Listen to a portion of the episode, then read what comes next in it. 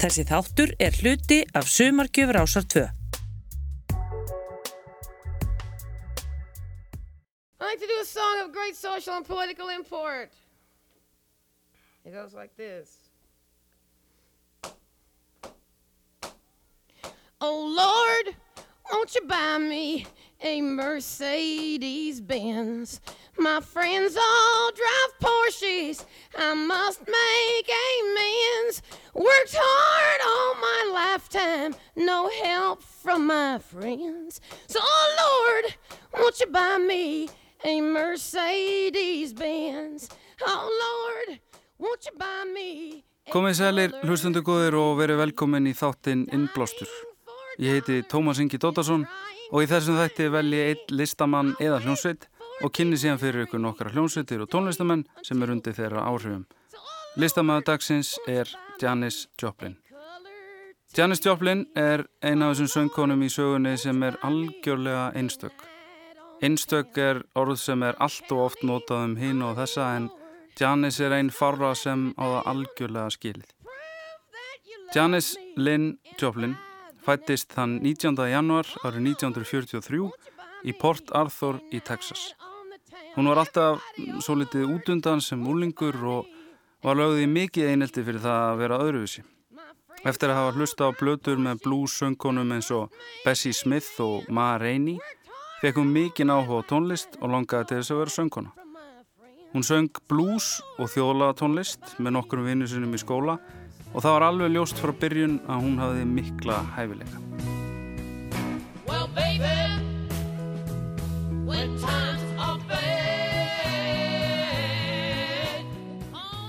Árið 1967 skust hún upp á stjórnuhiminin þegar hún kom fram á Monterey Pop Festival sem söngkonan í hljómsveitinni Big Brother and the Holding Company. Eftir að hafa gefið tvær blötur með þeirri sveit gerist hún sololistamöður. Hún kom fram á Woodstock hátíðinni 1969 og gaf út fimm smáskýfur sem náðu henn á Billboard Top 100 listan þar sem að ábreyða hennar af Chris Kristoffersson læginu Me and Bobby McGee náði toppsætinu 1971. Hún gaf út þrjár plötur á sinni stuttu æfi. Á meðal frægustu laga Joplin má nefna Piece of My Heart, Cry Baby og Mercedes-Benz sem var síðasta lagi sem hún tók upp. Eins og svo margir frábærir tónlistamenn sem hafa kvart hennan heim allt og snemma þá dó Janis Joplin aðeins 27 ára úr ofstórum skamti á heroinni.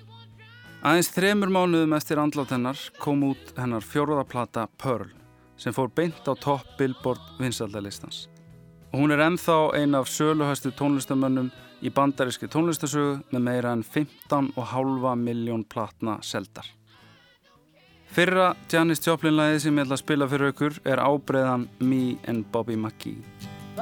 Flat in Baton Rouge Waiting for a train On us feeling near as faded as my jeans Bobby thumbed a diesel down just before it rained and rode us all the way to New Orleans.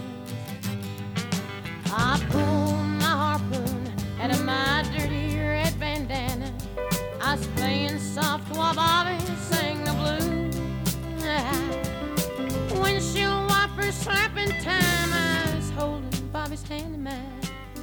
sang every song that Javi knew. Freedom's just another word for nothing left to lose. Nothing, I mean nothing, honey, if it ain't free. Yeah, feeling good was easy, love, when he sang the blues. You know, feeling good was good enough for me. Good enough for me and my Bobby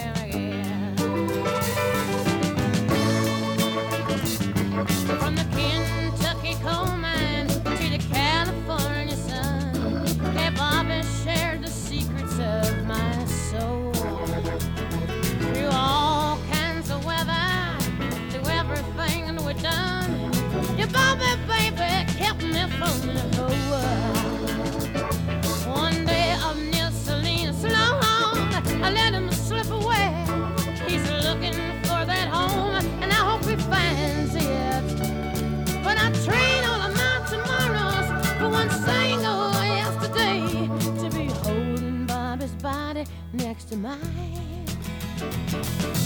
Freedom is just another word for nothing left to lose. Nothing.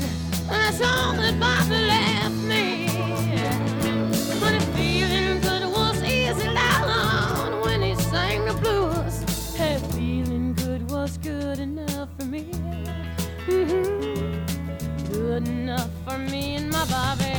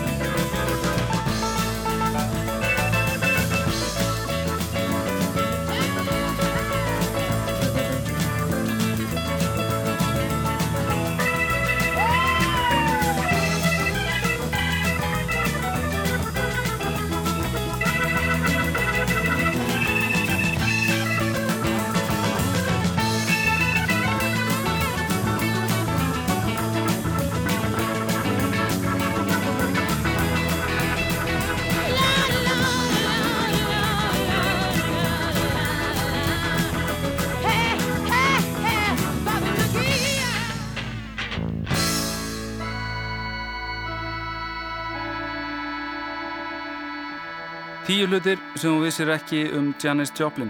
Númer eitt. Ein af stærstu hetjum Janis Joplin var blues-söngunan Bessie Smith. Þegar Bessie Smith dó árið 1937 var hún grafin í ómertri gröf. Árið 1970 keifti Joplin stóran leggstein til að setja á gröf Smith. Númer tvö. Það allra síðasta sem að Joplin tók upp var ammaliskveðja fyrir John Lennon. Kveðjan skilaði sér heim til Lennons eftir að Joplin lést. There's something in the way you roll your eyes. Takes me back to a better time. Alicia Beth Moore fættist 8. september 1979. Alicia er líklegast bara kölluð Alicia af mömmu sinni. En við þekkjum hana betur sem Pink og ég ætla að kalla hana það, svo fólk rugglist ekki. En Pink er bandarísk sönguna. Hún hóf ferið sinn í stúlknasveitinni Choice árið 1995. Hver mann eftir henni?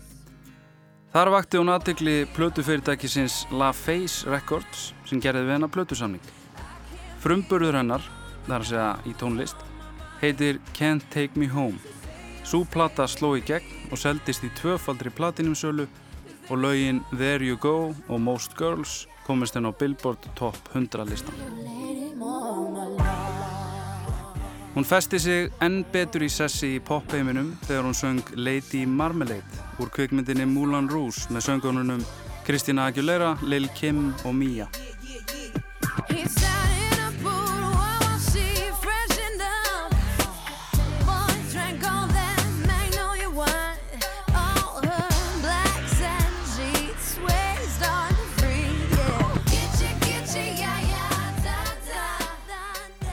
Á næstu blödu færiði Pink sig frá poppinu yfir í pop-rock. Sú plata hétt Misunderstood og kom út árið 2001. Hún seldist í 13 miljónum eintaka á heimsvísu og henni fenguðu lög eins og Get the Party Started og Just Like a Pill. Á eftir fylgdu plötunar Try This 2003 sem amlaði henni Grammy-veluna, I'm Not Dead kom 2006 Funhouse 2008 og The Truth About Love kom 2012. Árið 2014 gaf hún út plötuna Rose F í samstarfi við kanadíska tónlistamannin Dallas Green undir nafninu You Plus Me.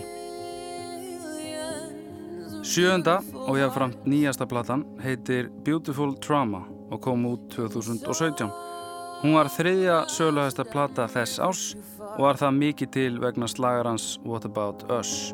What about us?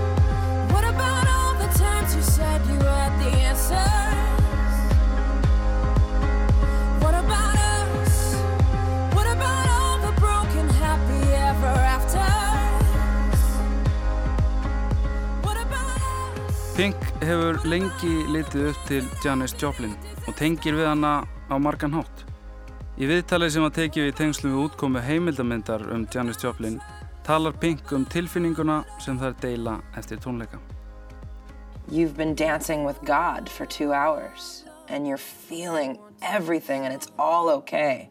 And then you jump on the bus and it's quiet and there's nobody. And they've left a bottle of wine on the table for you. And there's a candle lit. And you're like this. And you've got to calm yourself down and you've got to get some sleep and you've got to do it all again tomorrow. Þetta er lagið Just Give Me a Reason með Pink á samt Nate Ruess. Right from the start, you were a thief, you stole my heart, and I, your willing victim. I let you see the parts of me that weren't all that pretty, and with every touch, you fix them. Now you've been talking in your sleep. Oh, oh, things you never say to me. Oh, oh, tell me that you've had enough of our love, our love.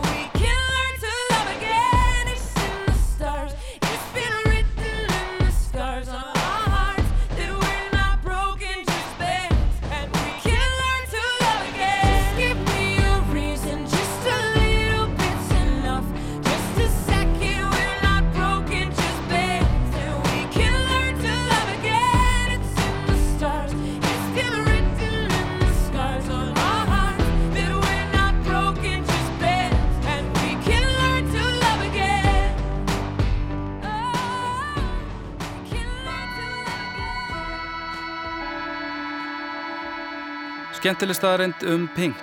Hún tók sér nafni sitt eftir Mr. Pink úr kvikmyndinni Reservoir Dogs. Ef þau eru ekki búin að sjá þá mynd, vil ég gera fyrir mig að kippa því í liðin strax eftir þáttin. Takk. Tíu hlutir sem þú vissir ekki um Janis Joplin. Númer þrjú. Eftir að Joplin lest var öskuðunar dreift í Kirrahafið úr flugvél. Jarðaförun hennar var lítil aðtöp sem einungis foreldrar hennar og frænka sóttu. Númer fjögur. Joplin var mikil drikkjukonna og einn af hennar uppáhaldsdrykkjum var líkjörinn Southern Comfort.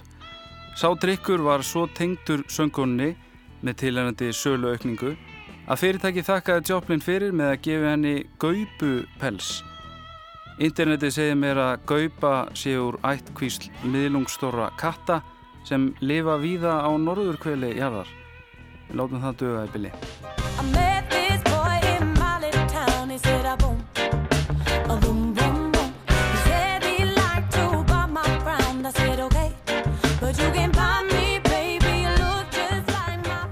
Jocelyn Eve Stoker er fætt 11. apríl 1987 í Kent á Englandi.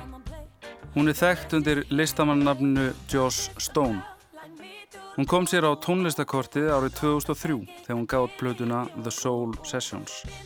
Platan náði markfaldri platinumsölu og fekk gríðalega góða dóma. Og það er oft þannig þegar maður gefur út plötu sem selst gríðalega vel að það er erfitt að fylgja henni eftir. Ég hefur endar ekki hugmynduð það sjálfur hvernig það er, enda aldrei selt neina plötur. Hefur endar ekki gefið út neina plötur ef að út í það er farið. En allavega, þegar fyrsta platan gengur vel, þá er erfitt að fylgja því eftir. En það var ekki að sjá hjá Joss Stone. You have me, you lost me, you wasted, you cost me. I don't want you here messing with my mind. Spitting in my Plata nr. 2, Mind, Body and Soul, kom út 2004 og var sömulegis gríðarlega vinsæl og seldist vel. Og má ekki síst þakka slagaranum You Had Me, þennan góða árangur.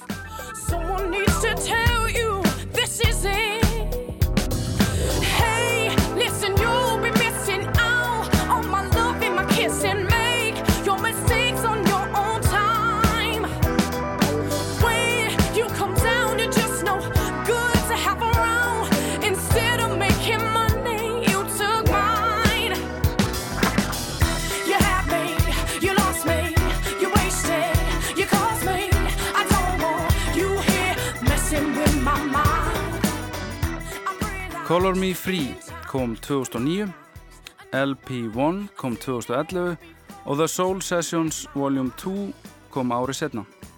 Nýjasta platastón kom út 2015 og heitir Water for Your Soul.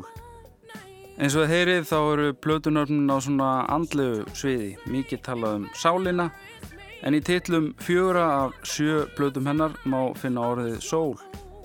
Ef þetta hefði verið ég þá hefði ég bara alltaf haft þetta í plötutillunum svona fyrst maður byrjar á þessu. En hún hefur selt meira en 15 miljónir platna um heim allan.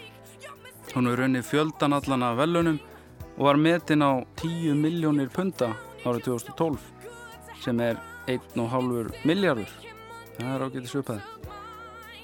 Joe Stone hefur litið upp til og hermt eftir Janis Joplin alveg frá því að hún var barn eins og við heyrum hér í viðtali við NPR frá árinu 2015. I mean, when I was a kid, I used to listen to Janis Joplin because I was so in awe of her accent. So I would kind of put on the voice really, really strong, and without knowing it, I was kind of teaching myself how to sing in this soulful manner. But you know, uh, what was that song? Oh Lord, won't you buy me a Mercedes Benz? This one, and it's so kind of country. Oh yeah. So I would dance around singing that when I was, I don't know, nine or something, and my mum would just absolutely wet herself laughing. Ég ætla að spila fyrir ykkur lagið Right to be Wrong af blötunni Mind, Body and Soul. I've got a right to be wrong. My mistakes will make me strong. I'm stepping out into the great oh,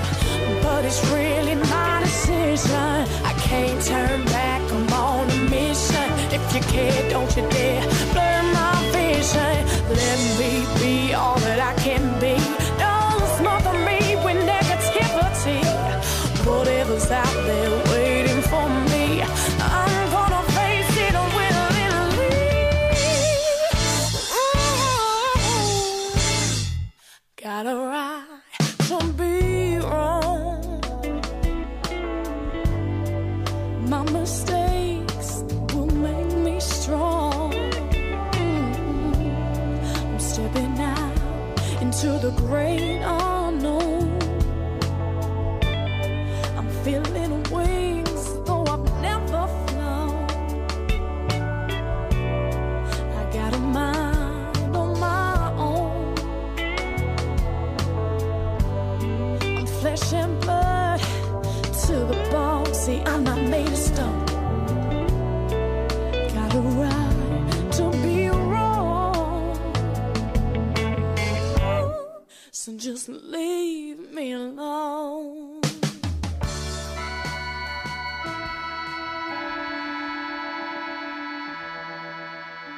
Skemmtileg staðarind um Joss Stone.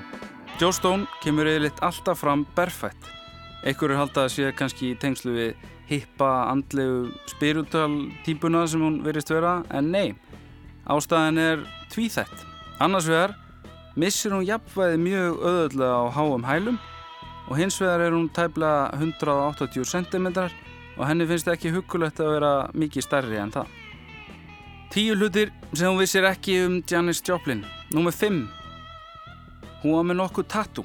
Þegar hún var á lífi var ekki annað hver maður með húðflús ermi eins og í dag, þannig að nokkuð tattoo voru heilmikið mál.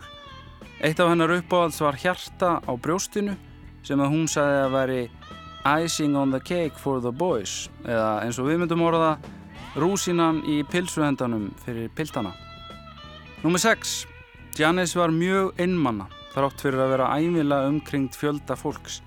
Eins og hún sagði sjálf eitt sinn á sviðinu nýt ég ásta með 25.000 manns en svo fer ég einn heim. Tonight I feel so weak. But all in love is fair. I turn the other cheek. And I feel the slap and the sting of the foul night air. And I know you're only. Melissa Lou Etheridge fættist 29. mæ 1961 í Kansas, Bandaríkjunum. Hún gaf út sína fyrstu plötu sem var einfallega samnefnd henni árið 1988. Hún stimplaði sig ágætlega inn í senuna og náði platan 20. öðru seti á Billboard 200 vinsaldalistanum og var að lagið Bring Me Some Water mjög vinsald.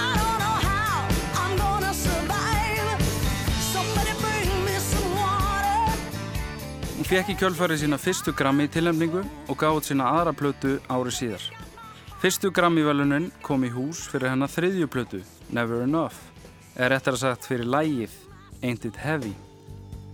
Árið 1993 gaf hún út plötuna sem festi hana rækilega í sessi í tónlistarheiminu. Sú plata hétt Yes I Am og náðu tvö lög af þeirri plötu á topp 30 á vinsaldalistum í bandaríkjunum og hún var meðal annars á Billboard 200 vinsaldalistunum í 138 vikur í vöð. Hún seldist í sexfaldri platinusölu og það kom ekki mikið óvart að hún fekk sín önnur Grammy-velun fyrir þá blödu.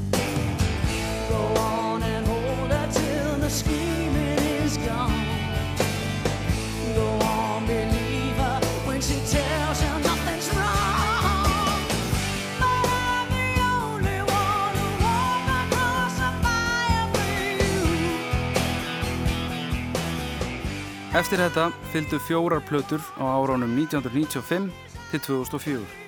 En árið 2004 var Etheridge greind með brjóstakrabbaminn sem held henni á hliðalinni í heilt ár. Hún sigraðist blessunlega á krabbaminninu og snýri aftur á Grammy-völunaháttiðinni 2005 þar sem hún flutti magnaða útgáfu á Janis Joplin-læginu Piece of My Heart sem ég ætla að spila fyrir ykkur á eftir. Eftir endurkomuna gaf hún út fjölmarkar plötur og kom nýjasta blataðanur út í april á þessu ári og heitir The Medicine Show.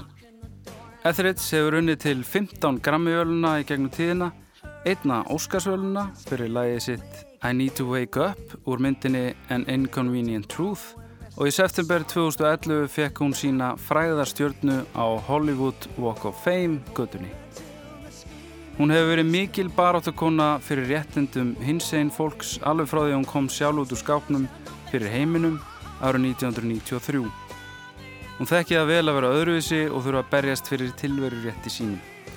Það er ein ástæða þess að hún tengir vel við Janis Joplin og heyriðist það vel þegar hún flutti ræðu við hátíla aðtöp þar sem Janis Joplin var tekin inn í fræðarhöll Roxins árið 1995. Because of what she did, I feel like what she did in her life at that time enabled me, when I was a young girl in 1976 growing up, not to feel so strange about wanting to do the things I wanted to do. She gave me power in my life. We didn't have to be secretaries or housewives, we could be rock stars. I never knew Janice. I never saw her or heard her voice live. I never witnessed the fireball of fury that she unleashed on stage, but I think I understand. When a soul can look on the world and see and feel the pain and loneliness and can reach deep down inside and find a voice to sing of it, a soul can heal, and hers did. Hér flytur Melissa Etheridge ábreyðu af læginu Piece of My Heart.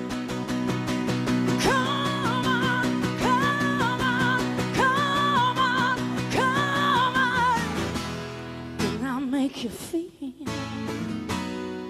like you only one, hey. Didn't I give you everything that a woman possibly can? Honey, no, I did. Each time I tell myself that I I think I've had enough. Oh, I wanna show you, baby. A woman can be tough. I want you to come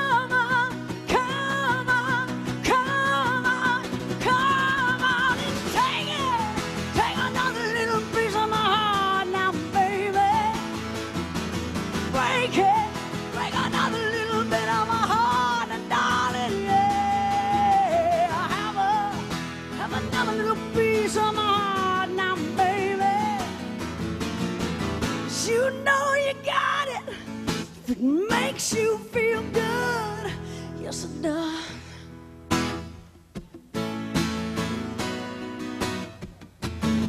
You're out on the street, you're looking good, and honey, deep down in your heart, you know that it ain't right. 'Cause you never, never, never, never healed me when I cried at night. Honey, I, I cry all the time, can't stand the pain.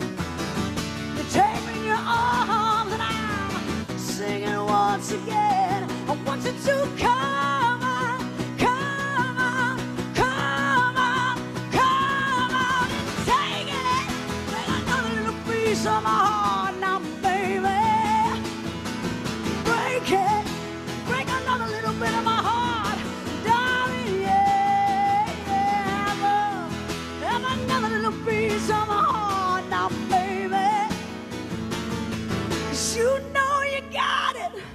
if it makes you feel good.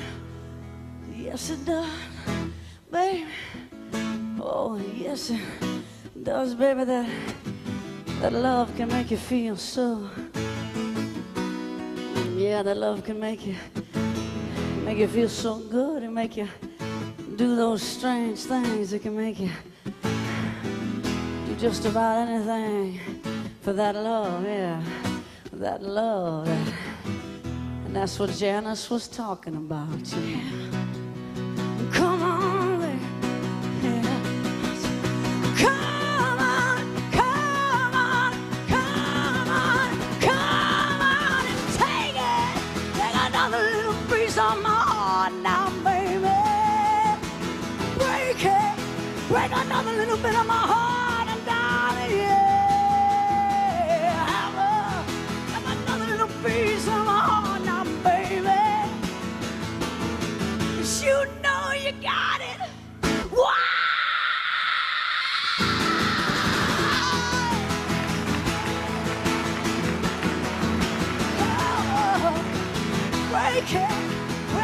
another piece of my heart. Hey, a, have another little piece of my heart now, baby. 'Cause you know you got it. If it makes you feel, oh, baby, baby, if it makes you feel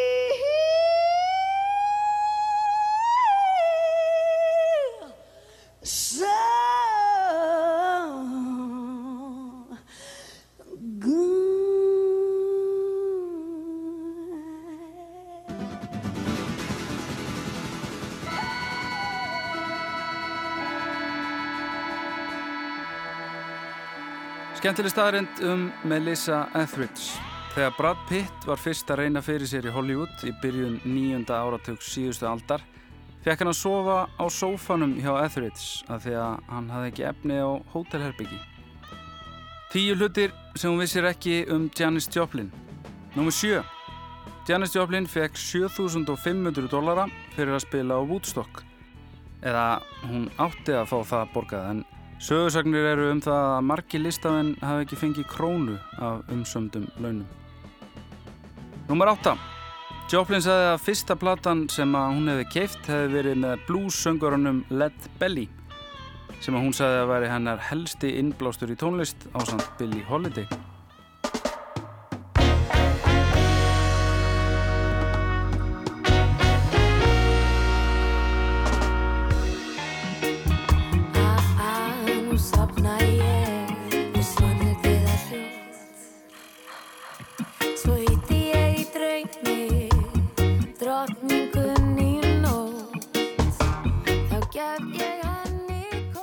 Salka Sól Eifeld er fætt í Reykjavík 18. april 1988.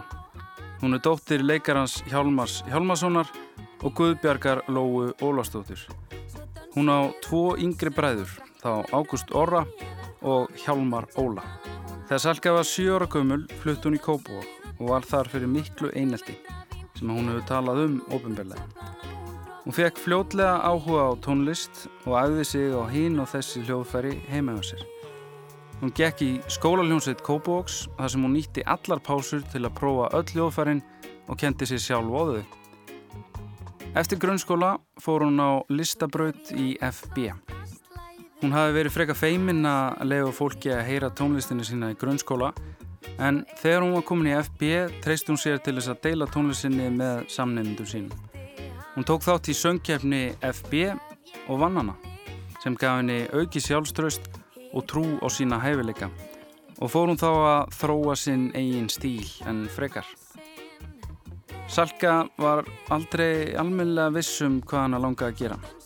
Hann langaði að vera bæði leikari og tónlistamöður og náði að saminna þetta tvent þegar hún fluttið til Breitlands eftir mentaskóla og fór í leikaranám fyrir hljóðfæraleikara.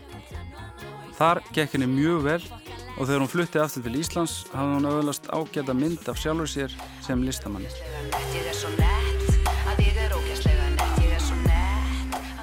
Með því fyrsta sem hún gerði á sínum tónlistaferli var að halda rappkónu kvöld á bar 11 og upp úr því fættist hljómsveitin Reykjavíkudætur. Salka söng viðlög Reykjavíkudætra og kynntist þar upptökustjórunum Gnúsa Jones og Steinunni úr Amabadama. Salka og Steinun fluttu fyrst lagið Hossa Hossa á rappkonukvöldi og átti það uppalega að vera lag með Reykjavíkudætrum en endaði sem lag með Amabadama. Sveitin gaf í kjölfarið út sína fyrstu plötu, Heyruðu mig nú, þann 7. november 2014 og Hossa Hossa náði gríðalögum vinsaldum.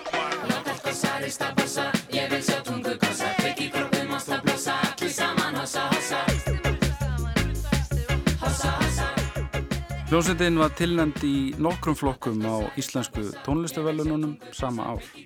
En Salka Sól var valinn söngkona ásins. Ásað því að syngja með Amabadama og Reykjavíkudæturum var Salka líka farin að tala inn á teiknimyndir. Hún hefur líklega sketa ringt í pappa sinn og fengið góð ráð í þeirri deild en það er hann búin að tala inn á óteljandi teiknimyndir í gegnum tíðina. Stuttu síðar fekk hún afleysingastarf hér á Rós 2 þar sem hún var með þættina Sumarmótna. Það var til þess að henni var búið að koma inn í Popland og síðan var hún með þáttinn Hanastjél með Dóta Lilla. Einni hefur hún stýrt þættinum Rababara og gert margt fleira. Eins og allt annað sem að hún hefur tekið sér fyrir hendur þá smell passaði hún inn í hlutverk útvars konunar. En þetta hafði hún aldrei ætlað sér að vera útvarskona eða allavega ekki meðvitað. En hún æðiði sér nú samt að taka upp á kassettur og kynna lög þegar hún var lítill. Þannig að það hefur allavega ekki skemmt fyrir, held ég. Leiklistaferill Sölku komst fljótlega á flug og leik hún í verkinu í hjarta Róa Hattar árið 2016 í uppsetningu þjóðleikursins við góðan orstýr. Þú sem ekkert veist, ekkert getur breyst, ekki halda mér á þessum stað. En hver er frjáls í hugar heimi má, ég ferðast ángað og beislað. Því það er von mín að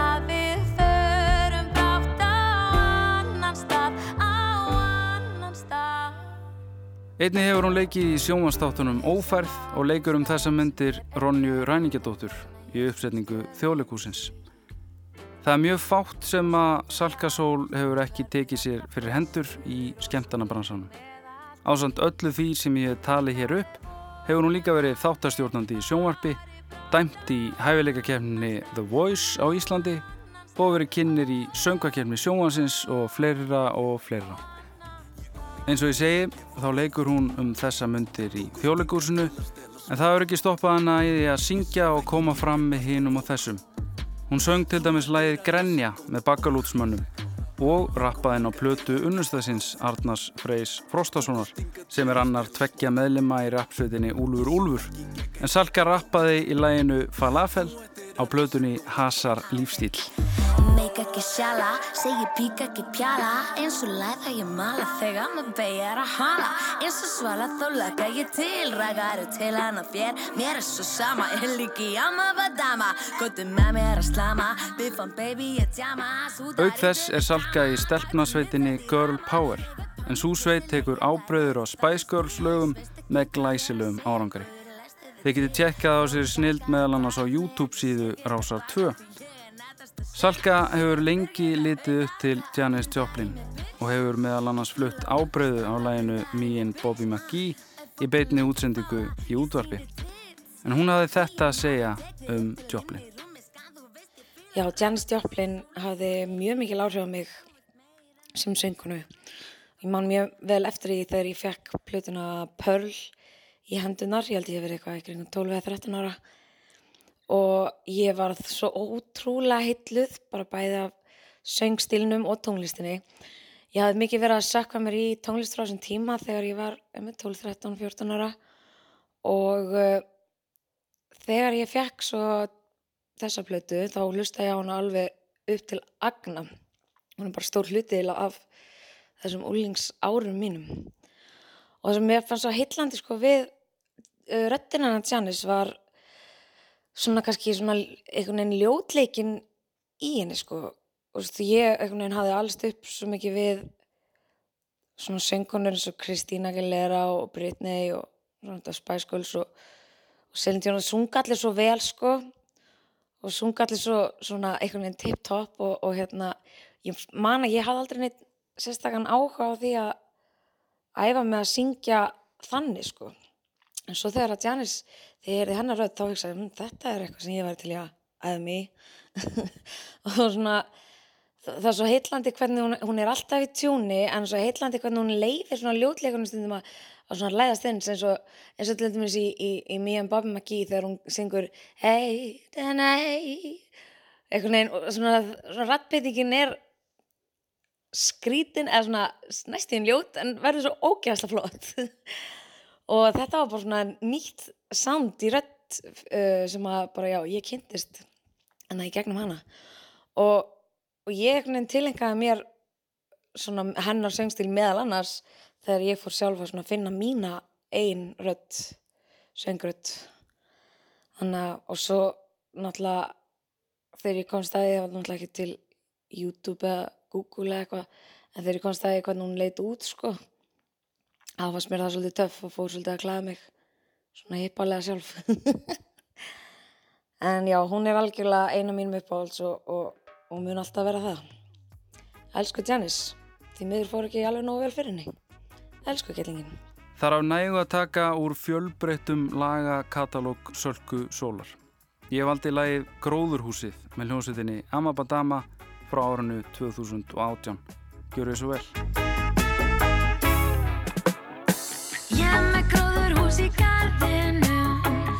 Sem ég rækta mig. Ætla að mig. Þar sem ég rækta mig. Eitt að byrta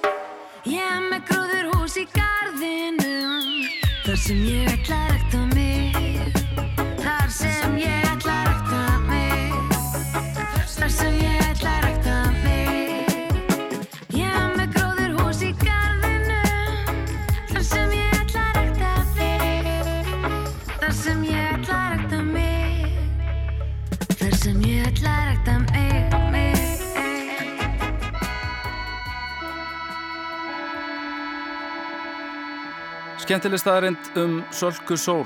Ég er enda með nokkrar skemmtilega staðarindir um Sölku sem ég fekk frá Arnari, unnustæðinar. Númer eitt, hún getur spilað á blokkflötu með nefinu. Númer tvö, hún er besti kokkur í heimi og hún notar aldrei uppskriftir. Númer þrjú, hún hrítur mjög hátt. Númer fjögur, henni finnst leðilegt í bíó. Og númer fimm, hún talar mjög sannfærandi sænsku. Mér finnst blokkflötu dæmið magnað og ég kalla hér með eftir því að í næsta lægi með Amabadama verði langt blokkflötu solo. Tíu hlutir sem hún vissir ekki um Janis Joplin. Númer níu, platan Cheap Thrills átti að heita Sex, Dope and Cheap Thrills. En af einhverjum ástæðum voru yfirmenn hjá Columbia Records ekkert allt úr því og kröðust þess að hún breytti tillinum. Númer 10. Söngvari The Doors, Jim Morrison, var mjög hrifin á Janis Joplin og vildi fá hana með sér á stefnumót. Joplin svaraði umleitunum Morrisons með því að brjóta viskiflösku á höfðun á honum. Morrison gafst ekki upp og spurði setna um símanúmerið hennar. Joplin let orðin duga í það skipti og saði einfallega nei. Sögur segja að Morrison hafi lent í mikilli ástasorg yfir þessu öllu saman.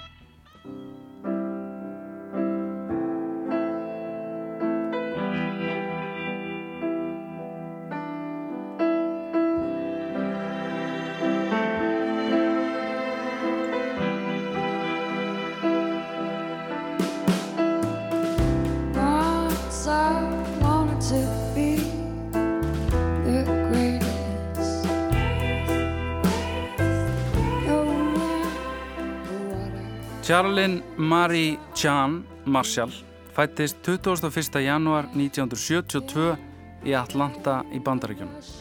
Hún er þekkt undir listamannafnu Cat Power. Cat Power, eða Chan eins og hún er yfirleitt kölluð dagstælega, byrjaði að spila með einum ýmsu hljómsveitum í Atlanta upp úr 1990. Hún var uppgötuð á tónlistabransanum þegar hún hittaði upp fyrir Steve Shelley úr Sonic Youth og Tim Foljan úr Two Dollar Guitar árið 1993. Hún gerði sína fyrstu tvær plötur í samstarfi við þá tvo drengi þegar hún gaf út Dear Sir 95 og Myra Lee árið setna. Árið 1996 skrifa hann undir plötusamning við Matador Records og gaf út sína þriðju plötu, aftur með Shelley og Foljan sama ár. Súplata hétt What Would the Community Think? Tveimur árum setna gaf hann út vinsalu plötuna Moon Pigs. Þar má finna lög eins og Crossbones Style og Metal Heart. Árið 2000 kom síðan The Covers Record sem er, eins og þið hefur kannski geta gískað á, samansapn af ábreyðum af alls konar lögum. Þar eru lögin færið í nýjan búning eins og oft er gert við ábreyður. Eitt af þeim lögum sem er nánast óþekkjanlegt er Rolling Stones lagið Satisfaction.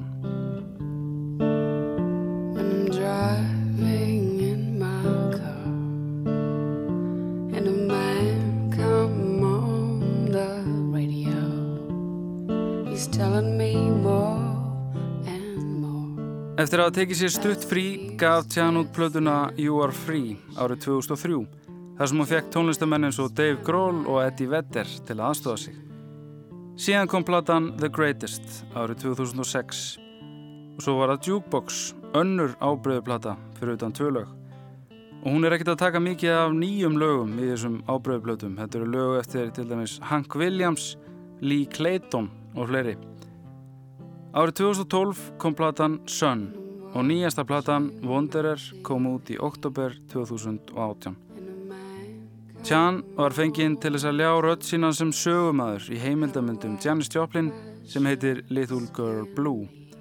Það þurfti lítið að samfara Chan um að taka þátt í þessu verkefni en það lengi litið upp til Janis Joplin og tengir vel við hennar ferðalag. Við gerð heimildamöndarinnar fundust bref frá Joplin sem leittu ímislegt í ljós. Við skulum heyra Chan tala um brefin og Janis. In high school, I had imitated Janice a few times, and then when I was doing the, when I did the letters, I knew it was going to be difficult because um, it's a big responsibility because she's passed. So it's not like I could call her and say, "Yo, Janice, how are you feeling this day? And um, what did you mean when you said that?" So I was putting a little bit of my own feelings because um, of my own situation of writing my own family letters. I remember what it was like to feel that feeling of, I'm going to write this to them, you know, will they understand it? Will they accept me? You know, do they like me more? You know, do they think that I'm not the black sheep because I'm telling them this cool information that makes me feel good about myself? I was looking at the footage before I do the read, and um, you know, it would fill me with feelings, knowing the things that were going on at, in her life at that time. And I remember the last letter, I couldn't catch my breath because I was crying because for her to still apologize for who she was and uh, what she couldn't be for her family was really hard. And to realize that she, you know, maybe when she passed, she still didn't feel like she had accomplished what she wanted, you know, which I guess was love and acceptance from, for, for being herself. Hér er lagið Woman á nýjustu plötu Cat Power, Wanderer. En í laginu tekur hún höndum saman við söngkonuna Lana Del Rey. If you know people who know me, you might want them to speak. To tell you about the girl or the woman they know more than you think you know about me. More than you think you know me.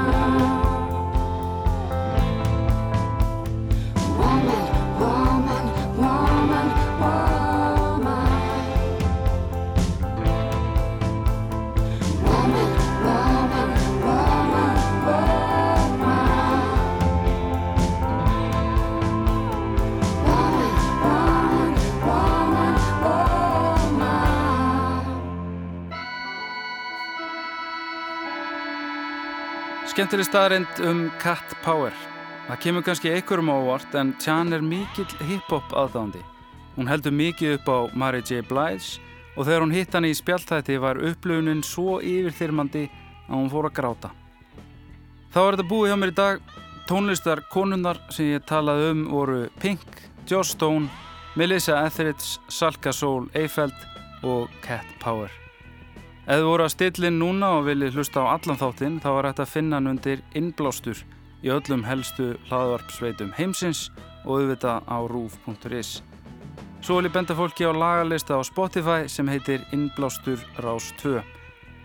Setna lagið með Janis Joplin sem ég ætla að spila fyrir ykkur heitir Cry Baby. Ég heiti Tómas Ingi Dóttarsson og þetta var Innblástur. Takk fyrir mig.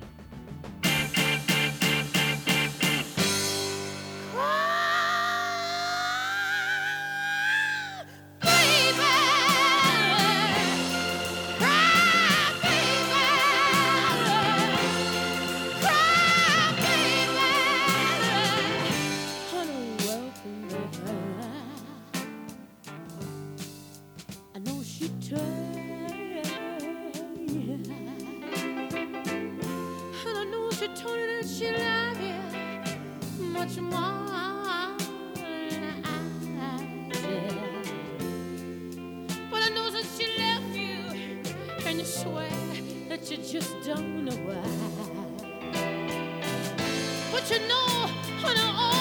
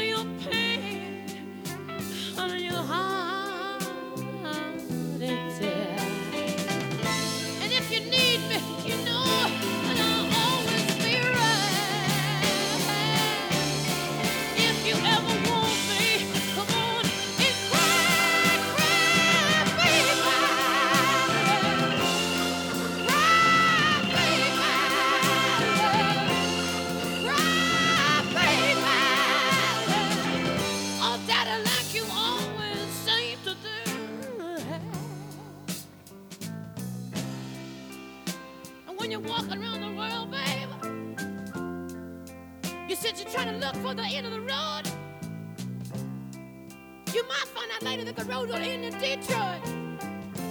Honey, the road don't even end in Kathmandu. You could go all around the world trying to find something to do with your life, babe. When you only gotta do one thing well. You only gotta do one thing well to make it in this world, babe.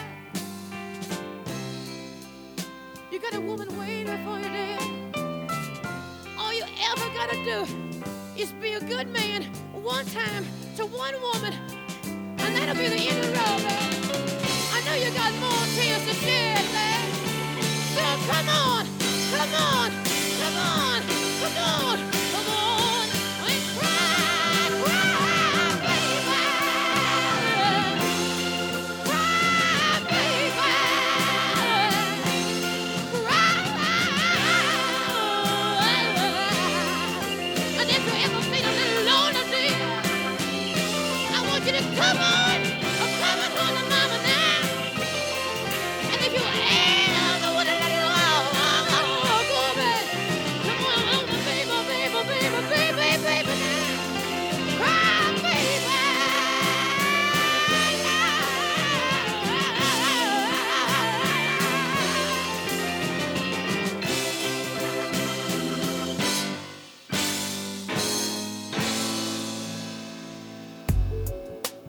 Þessi þáttur var hluti af sumargjöfur ásar 2. Þú getur nálgast fleiri þætti úr safnir ásar 2 í spilaranum á rúf.is, í rúf appinu fyrir snjalltæki og öllum helstu hlaðvarpsveitum.